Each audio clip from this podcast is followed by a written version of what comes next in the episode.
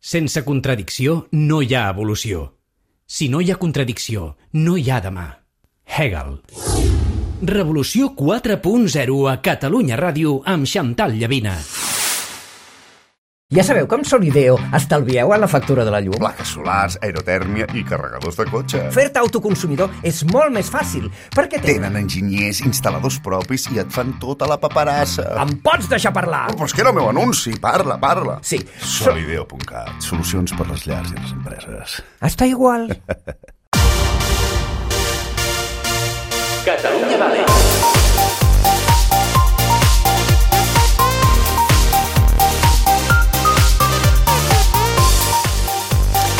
Fa uns moments parlàvem d'idees i tecnologies que canviaran la nostra vida, o que de fet ja l'estan canviant. No us perdeu els propers minuts perquè continuem en aquesta línia. Volem conèixer una proposta en l'àmbit de la salut, una proposta molt disruptiva. Just watch me dance.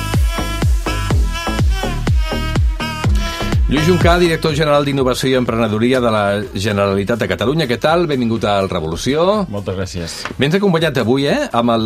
Vens amb el Marc Güell, que és investigador de la UPF i cofundador d'Integra Therapeutics, que està reconeguda com una de les 10 empreses més disruptives de Catalunya del 2022. déu nhi no? Benvingut. Uh, merci, content d'estar aquí.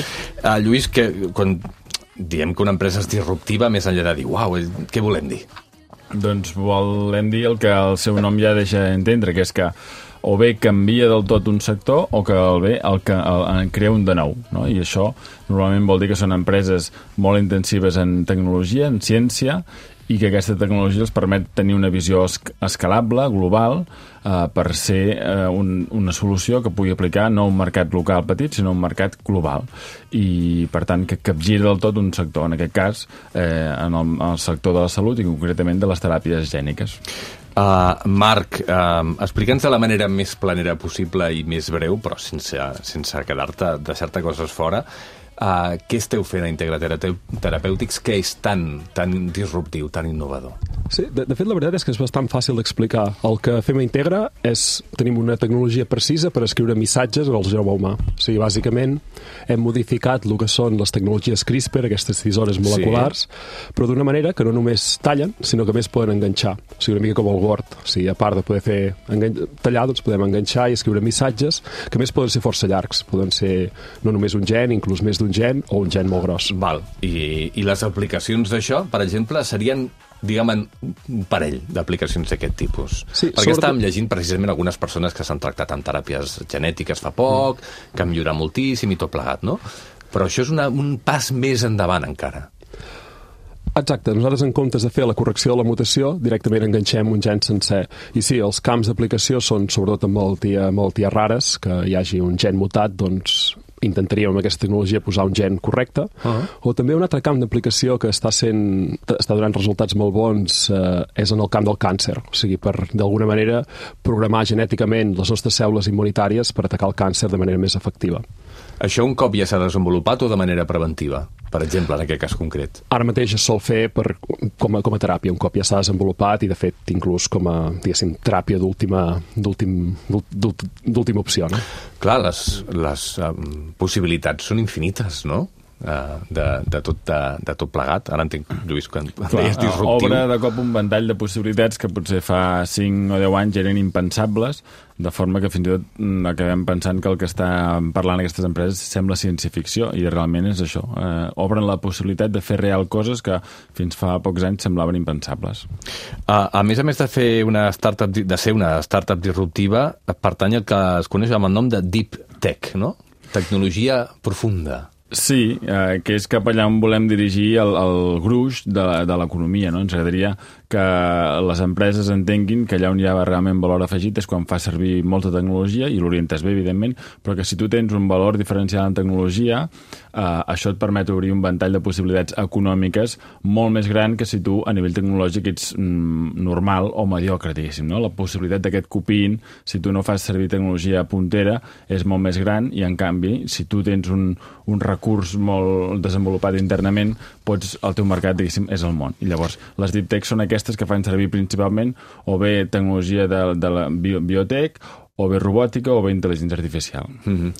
um, Marc, si no vaig errat, eh, Integra precisament neix de la Universitat Pompeu Fabra. Eh, És a dir, que no és allò d'un grup de persones que es munten una empresa, sinó que a partir de la investigació que han estat fent a la universitat pública, a partir d'aquí es, es generen aplicacions al món de l'empresa, no? Sí, sí, correcte. De fet, jo vaig tornar l'any 17 de- d'Estats Units i crec que o sigui, els experiments eh, fund, eh, fu- fundacionals d'aquest- de- d'aquesta tecnologia van ser fets això, en aquells temps i bé, doncs totes aquestes o sigui, vam, sobretot aquí teníem la visió no, de- d'alguna manera fer aquestes modificacions a CRISPR per poder fer doncs, no un genome editor sinó un genome writer, que li diem i sí, i per sort doncs, hem pogut anar tirant endavant els diferents passos. Uh, també hem rebut bastant suport de, de, de, de per aquí, que estem bastant contents, i doncs al final doncs, es va poder llançar l'empresa i, i, bueno, i realment doncs, crear una plataforma uh, tecnològica per afrontar doncs, reptes, en, en, sobretot en el món de la salut. Això, Lluís, és un rar avi, és una cosa que passa habitualment, aquest salt de, de la universitat al món de l'empresa. Això cada cop passa més i és la principal estratègia que volem inculcar a nivell econòmic, que és que nosaltres entenem que al món, si no tens un pòsit eh, científic i de coneixement, no ets ningú i, per tant, el que hem de connectar és aquella part del país que és molt bona amb ciència, que ja la tenim de fa fins i tot dècades, amb la part empresarial. I això cada cop passa més. No? Hi ha més programes, més interès, més cultura d'agafar la ciència del país i portar-la a la, a la realitat en forma d'empreses. No? De fet, el, el, gairebé la meitat d'aquestes empreses que dèiem Deep Tech ja són spin-off d'universitats, però que no és cap sorpresa perquè es donen de venir. Si, si, si per definició són empreses d'alt contingut tecnològic i científic, només poden venir de les universitats, els centres de recerca, etc. L'altre dia estava, no sé, no recordo ben bé la font eh, d'això que diré ara, però no sé si era una sèrie de televisió, un article, vés a saber. Però eh, llegia o veia eh, que deien que la tecnologia que hi ha darrere un telèfon mòbil, el tant per cent de tecnologia que prové de la inversió pública és extraordinari. Vull dir que un es pensa que va ser l'Steve Jobs que es va tancar uh, amb, el, amb el Steve Wozniak a, a, fer un, a inventar-s'ho tot, i ni molt menys. La majoria de tecnologia que hi ha darrere un iPhone ve dels fons públics, ve de la investigació pública, no? Clar, i això és el que hem d'intentar fer entendre a tothom, que és a dir, nosaltres necessitem seguir creant molt de coneixement, però necessitem revaloritzar-lo, no només en forma de, de publicacions científiques que ens donin molta raó al Nature, etc, sinó això traslladar-lo a l'economia real en forma d'empreses que donen rendiment o que donen llocs de treball o de royalties o de contractes econòmics que posin en valor que aquella tecnologia es pugui fer servir arreu del món. Sí, sí. Marc, explica'ns... És que em, té apassionat això, eh? Explica'ns una mica més de les possibilitats que hi ha, perquè jo m'estava imaginant, que igual em dius, no diguis bajanades, però que jo, que en principi ara mateix no tinc cap problema de salut que jo sàpiga, Uh, i dic, vull, vull, no sé, fem-ho una mena de mapa i mireu si hi ha alguns gens que tinc aquí alterats que poden en el futur eh, fer-me que tingui mm, possibilitat de patir Alzheimer o algun càncer d'algun tipus o el que sigui. M'ho podeu arreglar tot això una mica, no? Com qui va ajustar-se un trajo, no? Clar, jo És una bajanada? No, no, no, en absolut, Ok. okay. eh? I a més, jo crec que aquests últims anys, no sé, fa un temps, és que sempre dic que ostres, la biologia està en uns temps totalment exponencials, no? Hem après a llegir genomes, a escriure genomes, ordres de magnitud molt més ràpid i, i més eficientment que no fèiem en el passat. I clar, això ens permet canviar una mica el paradigma, no? Començar a interaccionar amb els sistemes vius, amb el seu llenguatge genuí, que és l'ADN, no? I clar, la teràpia gènica justament va en aquesta direcció.